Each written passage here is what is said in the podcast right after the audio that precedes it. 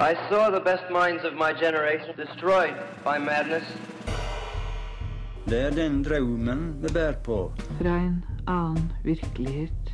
Kulturuke. Eh, Ja, jeg heter Dag Solstad, og dere hører nå på Bokbaren, og der er altså jeg.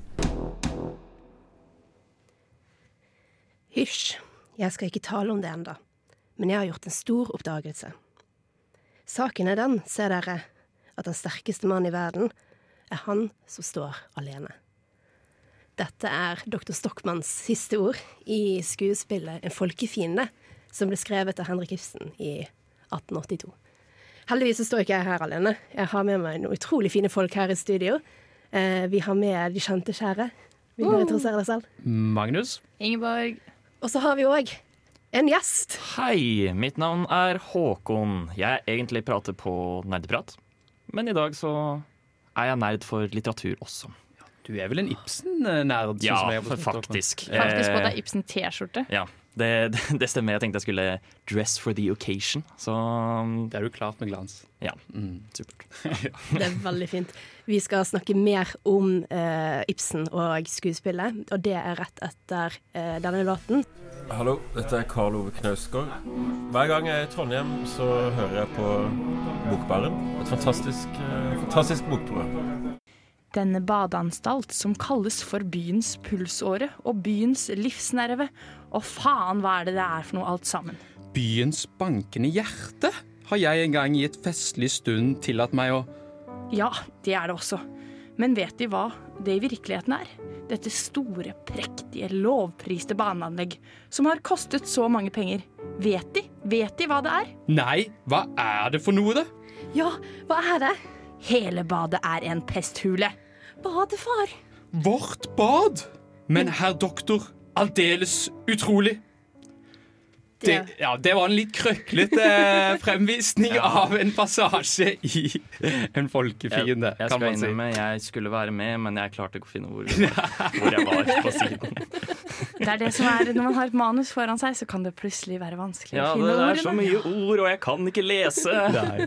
Vi, ja, vi, vi kunne vært bedre forberedt som skuespillere. Men heldigvis kan vi snakke, snakke om en folkefiende uansett om vi ikke klarer å eh, fremføre det så veldig bra. Ja, og som eh, jeg, doktor Stockmann Nå føler jeg vi er i en iboende samme sjel, begge to. Ja. Men som det kanskje kom fram fra doktor Stockmanns eh, lille eh, monolog der, eller replikkene, det var at eh, handlingen i en folkefiende, det er rett og slett at i en liten sørlandsby i Norge, så er det bygget et stort, fint nytt badeanlegg. Eh, som skal være et slags sånn kurbad, hvor man skal eh, bruke det som et helsebad. Men doktor Stockmann han har nettopp gjort en oppdagelse, og det er at det er pestbefengt. Det er pestbakterier i vannet. Infusjonsdyr. Ja. Hele badet er en pesthule! Eh, For det er sånne eh, som driver med garving av eh, skinn. Eh, og har masse pelsdyr, eh, sånn pelsdyrfarmer rundt omkring i denne byen. Og derfra skilles det ut eh, masse bakterier og dyr. Eh, og stykkets videre handling det er at Stockmann prøver å overbevise denne byen om at eh, vi må stenge badet, og at det er pest. Men byen vil ikke høre. Så dr. Stockmann han blir stående som en sånn ensom varsler. Og her kommer en spoiler, så skru av nå hvis du ikke har lyst til å høre det. Han blir erklært folkefiende av, av byens eh, borgere, rett og slett. Mm. Ja. Og de andre karakterene jeg var jo da Billing, som er en sånn viktig karakter, som er en redaktør for det lokale avisen. Og de er da først på Stockmann sin side, men så etter hvert så bøyer de seg under eh, byfogden. Fordi det skal jo sies at det er en maktkamp som pågår i dette stykket her. Det er doktor Stockmann mot broren byfogden, som egentlig har lyst at eh, denne her nyheten om at eh, badet er smitta, det skal helst dempes litt ned. Fordi denne fremtiden Fremtiden eh, til økonomien til denne byen ligger i dette badet. Så han har helst lyst til at det ikke skal komme ut at det er noe pest i vannet. Ja, det er jo ikke bare mye økonomiske ting som taper på at badet ikke er oppe, men det er jo veldig dyrt også å komme med disse eh, endringene som Stokman mener at man må gjøre. Hvor man må legge opp eh, vannkilden. Men dette er jo utrolig spennende stykke. Jeg er faktisk den som har pushet litt på å få Ibsen med i dette semesteret her. Uh, fordi at jeg syns at Ibsen er dritgøy, og eh, det er veldig samfunnsrelevant. Absolutt. Det er utrolig mye gøy vi kan snakke om Mm. når det kommer til uh, Ibsen og dette stykket her, da. Ja. Mm. Så det får en liten smakebit da, på hva det er vi skal ta oss og snakke om uh, resten av dette sendingen her.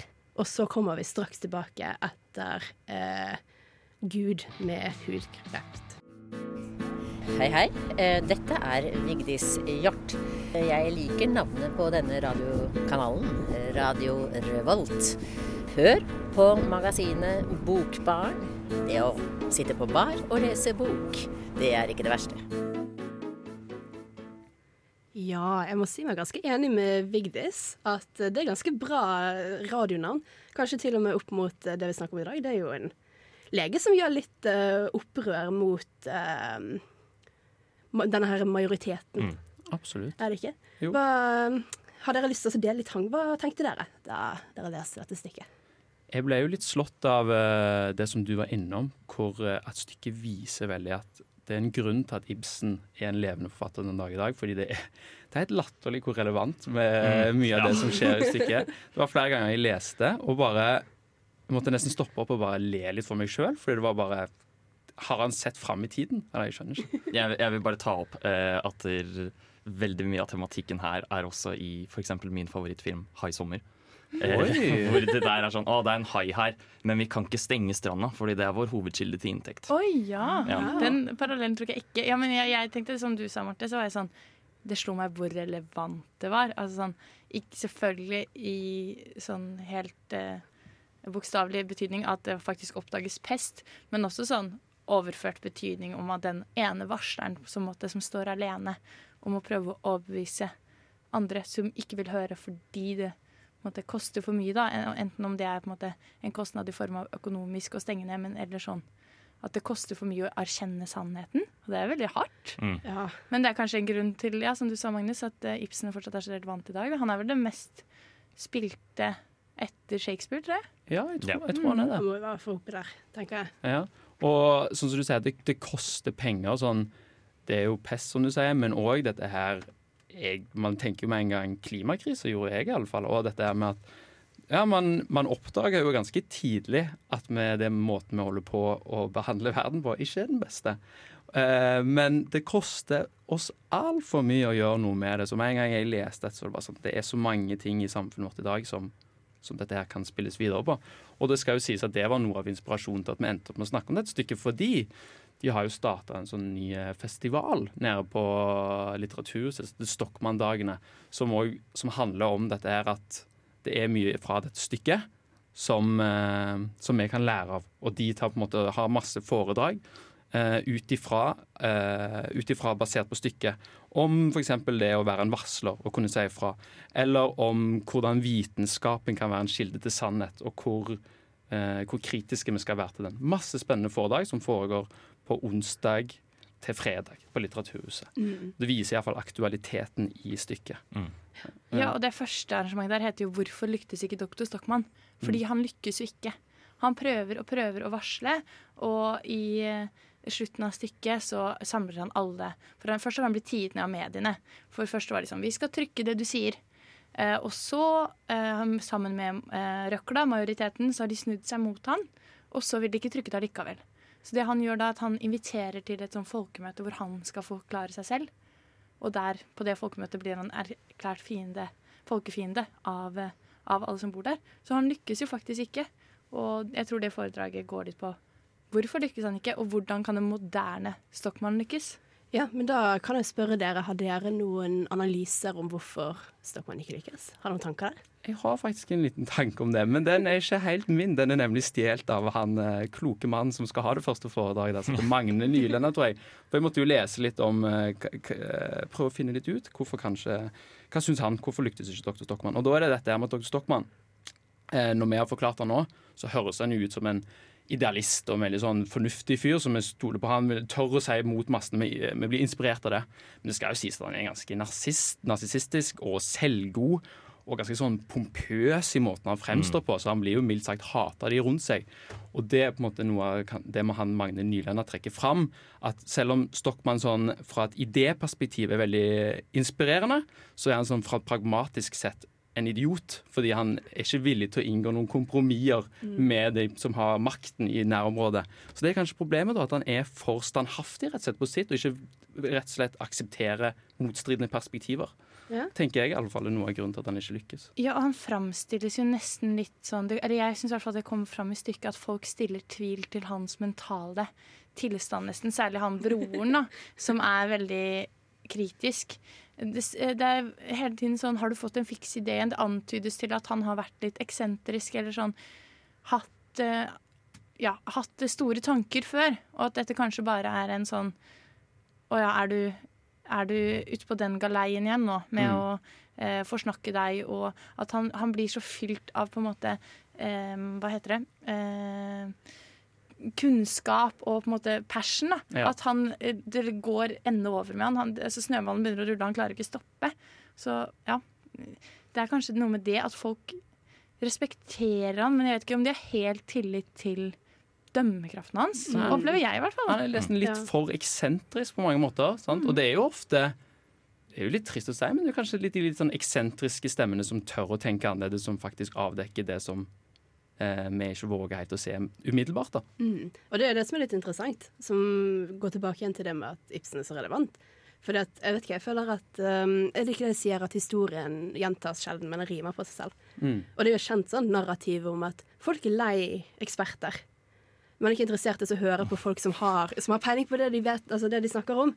Det er jo Ja, hvor skal vi egentlig begynne med å peke på situasjoner hvor folk har gått litt vekk fra de som kanskje kan vite, kan bedre, og gjør bedre. Ja. Og så er det jo så trist med det her at historien, ja, som du sa, Marte, den gjentar seg ikke seg selv, men den rimer. Men med det her at det skjer igjen og igjen at folk eh, som har en sånn mening, som er eksentriske kunstnersjeler, eh, blir tia ned i sin samtid. Og i etterkant så blir de genierklært. Så i dag ville du kanskje hørt mer på doktor Snockmann og eh, kalt ham for et geni, men i dag, eh, nei, på den tiden, Mm. så ble han bare sett på som en ravende tulling. Det er utrolig spennende avslutning der. Og da, vi skal fortsette med masse annet gøy. Hei, dette er Jostein Gaarder. Du hører på Bokbaren i Radio Revolt. Ja, da hørte dere Moika med låten 'Illusion'. Skikkelig banger. Jeg likte Ja. den veldig godt. Ja, veldig kul. Det var litt Ja. dansing i studio. Det var litt dansing i studio der. Det var veldig fint. Mm. Ja, men ja. Uh, 'Folkefiende' ble jo skrevet uh, ikke så lenge etter. Det var først etter 'Gjengangerne', som Ja. er et annet Ibsen-stykke. Og det er jo noen som teoretiserer om at uh, dette stykket her ble skrevet som en respons til den kritikken han fikk for, eh, for gjengangerne, som var ganske kontroversiell. Det er jo ikke akkurat nytt at Ibsen fikk eller, ja, kritikk for måten han skrev på, og at han utfordret Satte problemer under debatt, for å si det på den måten. Ja. Absolutt. Ja. Og det som var med gjenganger, var jo på en måte at når han hadde satt problemer under debatt tidligere, så hadde han på en måte funnet støtte hos de som var litt sånn liberale, Mm. mens motstand hos de konservative.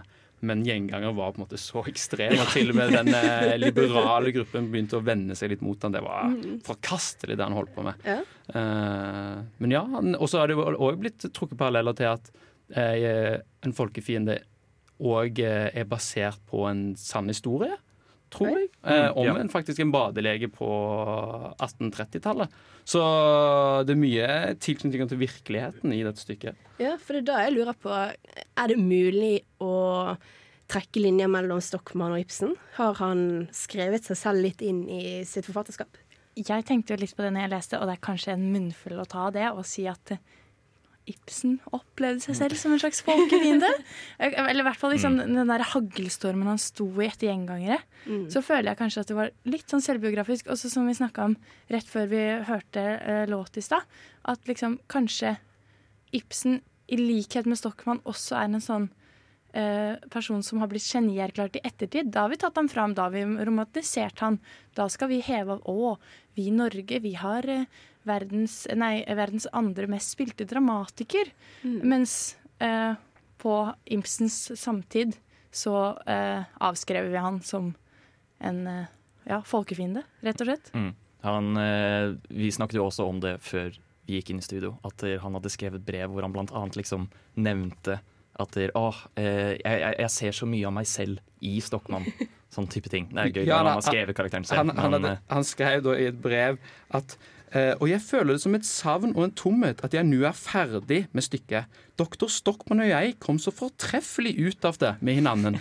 Og det var veldig sjarmerende. som å sitte og se på seg at sitter, Han sitter og skriver og måtte ha en slags samtale med doktor Stockmann og kjenne seg igjen i mye. Ja. Og så, ja, at, eh, men doktor Stockmann var kanskje en litt mer En slags ekstrem Ibsen, da, på mange måter. Eh, ja. Stykket grenser jo veldig ofte til komedie òg, liksom. Altså, han er, som den er nevnt, han er en veldig eksentrisk karakter, og da, da kanskje overdreven karakter. Ofte. Absolutt. Ja. Eh, Det blir, mange av scenene blir jo rett og slett De blir komiske når han går rundt der og på en måte hyller seg sjøl og er veldig stolt av sitt eget funn. Og veldig, ja, Han er helt sånn oppslukt i seg sjøl. Ja, Han sier jo på et tidspunkt sånn her, er ikke et eller annet sånt oh, hvis, dere, hvis dere tenker å ha en festmiddag for meg, så ikke, ikke tenk på det. Det ordner Det går fint. Ikke, ikke gjør det. Men det er ingen andre som nevner noe sånn paradefest, noen ting for han. Nei, nei, jeg føler at han er sånn derre eh, I en sånn der klassisk forholdssituasjon så er det sånn Å, uh, hva er det? Er det noe? Så, Nei da, det er ikke noe. Det er ikke noe. Nei da, det er ikke noe. og så kommer han med en rant, liksom. Ja. Ja, hei, jeg heter eh, Rune Kristiansen, og jeg hører på Bokbarn. Flertallet har aldri retten på sin side. Aldri, sier jeg. Det er en av disse samfunnsløgnene som en fritenkende mann må gjøre opprør mot. Hvem er det som utgjør flertallet av beboerne i et land? Er det de kloke folk, eller er det de dumme? Men det kan da være for fanden. Aldri i evighet være rett at de dumme skal herske over de kloke. Ganske intenst syn på eh, styresmakter og hvem som skal ha ja, makt, Mm. egentlig. Ja.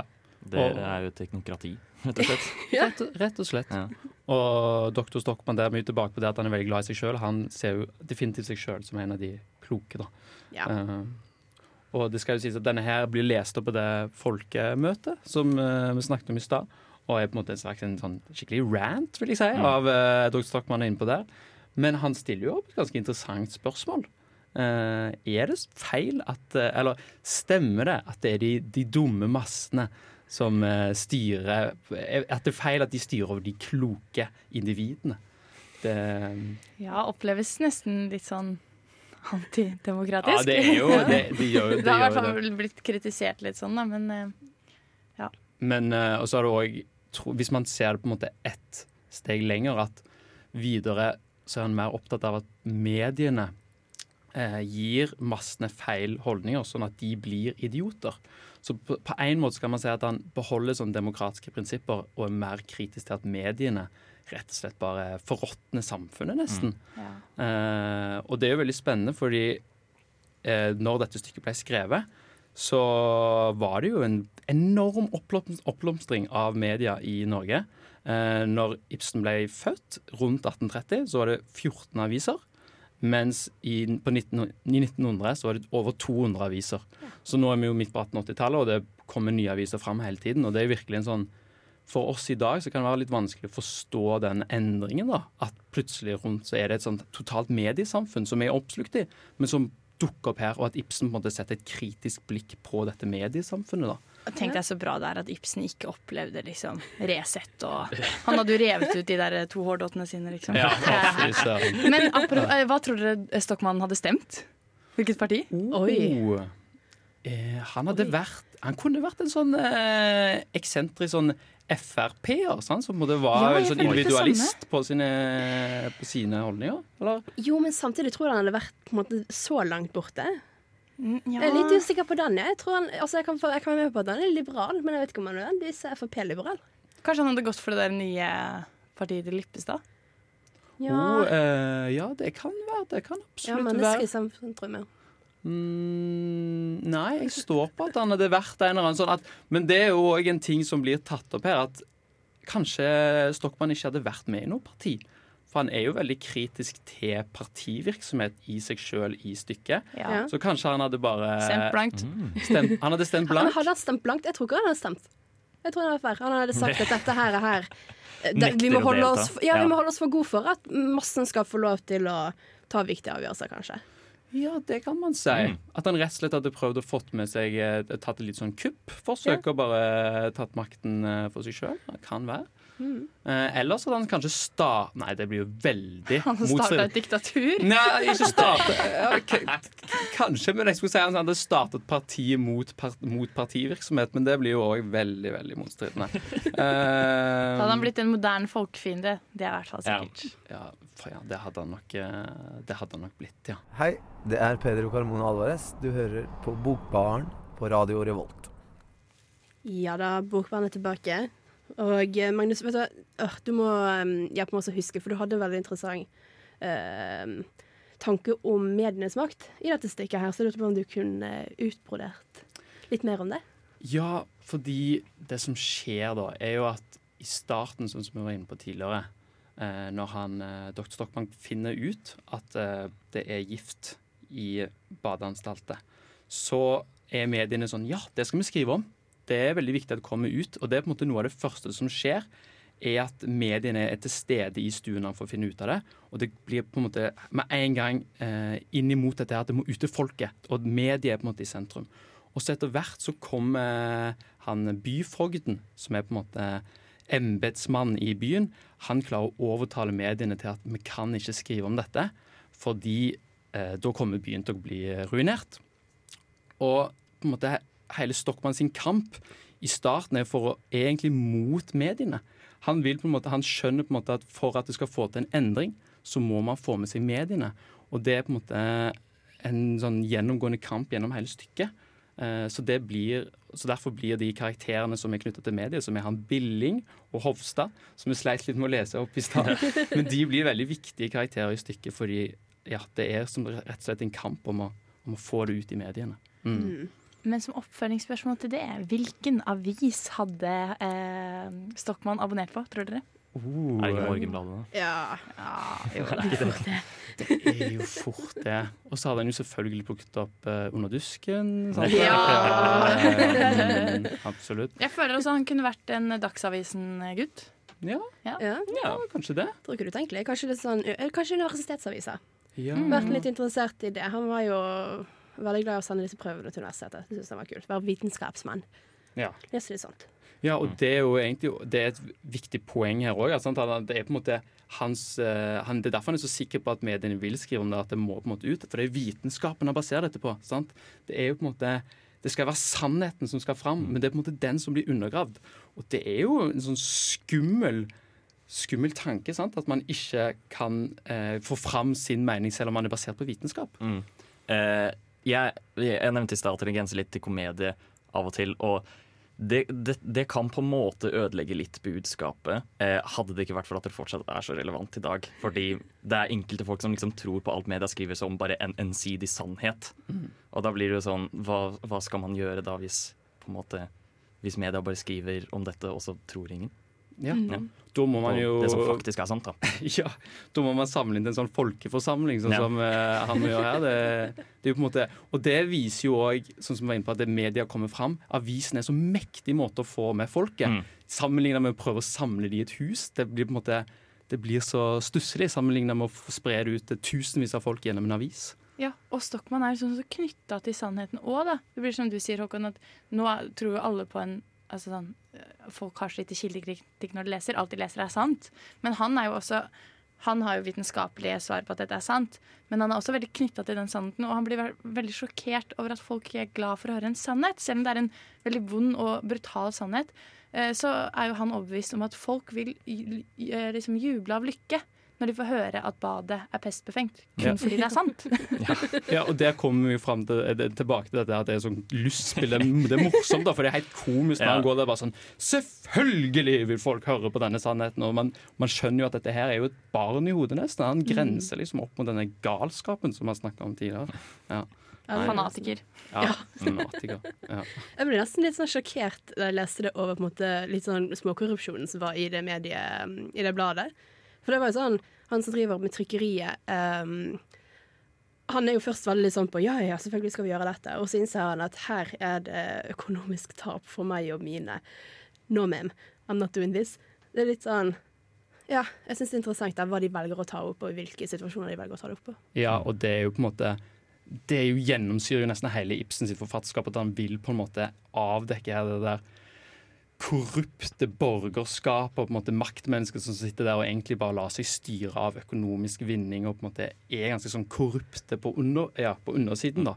Nå skal det også sies at de er veldig sånn skurkeaktige. Ja. ja. de er liksom overdrevet Ja, de, de, de er det absolutt. Jeg føler sånn I en moderne oppsetning så hadde de liksom sånn gått med finlandshett Eller sånn. Oh, ja, det kunne vært veldig spennende. Ja, en litt sånn, eh, litt sånn shabby eh, tweed-dress. Jeg får litt sånn uh, Olsenbanden junior har jeg lyst til å se meg for meg. De er jo heltene! jo, jo, men hvis du, hvis du drar på en måte, enda på Mm, perspektivet mm. der, så tror jeg du kan få en ganske god sammenligning. Ja. Mm. Men det er også, han blir så svikta av mediene når eh, Fordi han prøver jo å gå til det trykkeriet etter avisa har sikta han. Så ber han eh, han som eier trykkeriet, om å trykke opp for han, og da sier han bare nei, for det er ikke økonomisk gunstig for meg. Mm. Så han blir jo bare møtt Mm. I døra av eh, disse folkene. Det er jo Mm. forferdelig. Ja, nei, det, jeg tror det er veldig mye mer vi kunne pratet om når det kommer til, eh, når det kommer til stykket, men vi er nesten nødt til å gå videre til låt. Jepp, dette er Frode Grøtten. Litt Lytt på Bokbaren på Radio Revolt. Ta deg en eh, god Ja, den siste låten du hørte der, det var en drama av King Skurk One.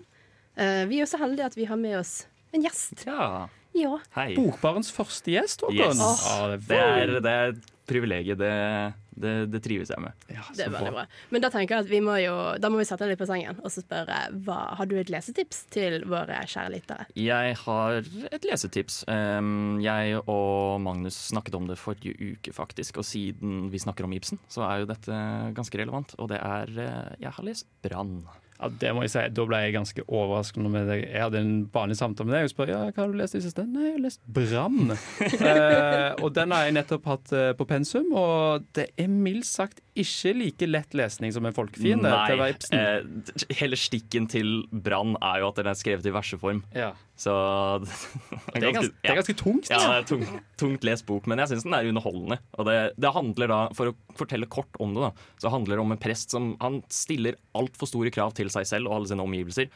Eh, og det går jo utover hans kone, hans barn osv. Så sånn type ting. Han har vel dette her eh, motto, eller mantra, eller hva man skal kalle det. Han sier, gjentar gjennom stykket 'intet eller alt'. Det er på en måte holdningen hans til egentlig alle bestemmelser bestemmelser i Mm. livet. Det er ganske, han er veldig ekstrem. Han er jo blitt en sånn fundamentalist, eh, Ja. sammenlignet med en sånn moderne fundamentalist. Men er det tidlig eller sen Ibsen? Eh, det var vel 60-tallet, om Ja. jeg husker rett. Ja. Jeg, jeg går jo faktisk nordisk, jeg òg. Ja. som i hvert fall Magnus gjør. Mm. Uh, jeg, jeg har gått språkretningen, da, eh, fordi jeg syns litteraturfag er litt tull. Men uh, Oi, oi, oi! Her står du med litteraturviter i Men uh, når det er sagt, så liker jeg jo fortsatt litteraturen veldig godt. Og det er derfor jeg har lest piano, fordi jeg prøver å lese liksom det meste av Ibsen. Ja. Fordi jeg liker jeg syns han er gøy. Jo, men jeg er litt enig. Sånn, jeg hadde ikke lest Brann sånn, nå er jeg på pensum fordi vi har et fag nå i år det med å ta for oss Ibsen. Og jeg følte det, ble nesten litt letta. For jeg føler hvis du skal si at du har studert nordisk, da må du kunne din Ibsen, Ja, på en måte. Nettopp. Eh, så det, men det er et stilig prosjekt. Eh, har du mange igjen? Eh, jeg Altså, jeg mangler Eller jeg skal i hvert fall lese Hedda Gabler eh, neste. Og så har jeg også Villanden, som jeg har lyst til å lese. Ja, ok. Hva vil du si er favorittverket ditt av Ibsen? 'Gjengangerne'. Ja, men, men det er fordi eh, jeg elsker hele 'barna arver foreldrenes synder'-sitatet. Eh, jeg går og sier det hele tiden. Og så, og så syns jeg eh, hele det, determinismeaspektet av det er så sykt spennende. Hvordan eh, liksom Å, det skjer igjen, ikke sant? Hele greia med hva, å, Nå husker jeg ikke hva han heter, men han kapteinen. Um, Her står vi på en Ibsen-sending og glemmer Mannen mannen, til ja. eh, ikke, Er det fru Alving? Ja, fru Ja. Alving. Ja. Eh, ja, og Og hvordan ja, han, han antastet uh, stuepiken, og så skjer det igjen. Typ. Ja, for det jeg tenker på når jeg har lest disse verkene, så tenk for en skummel verden å leve Ja. i. At du sånn, alt ille jeg gjør, det kommer til å forplante seg nedover i slektsleddene. Og det, var, det er jo en skummel Mm. verden. Og Ja. de trodde jo virkelig på det. Er det litt sånn at historien rimer på seg selv? Ja,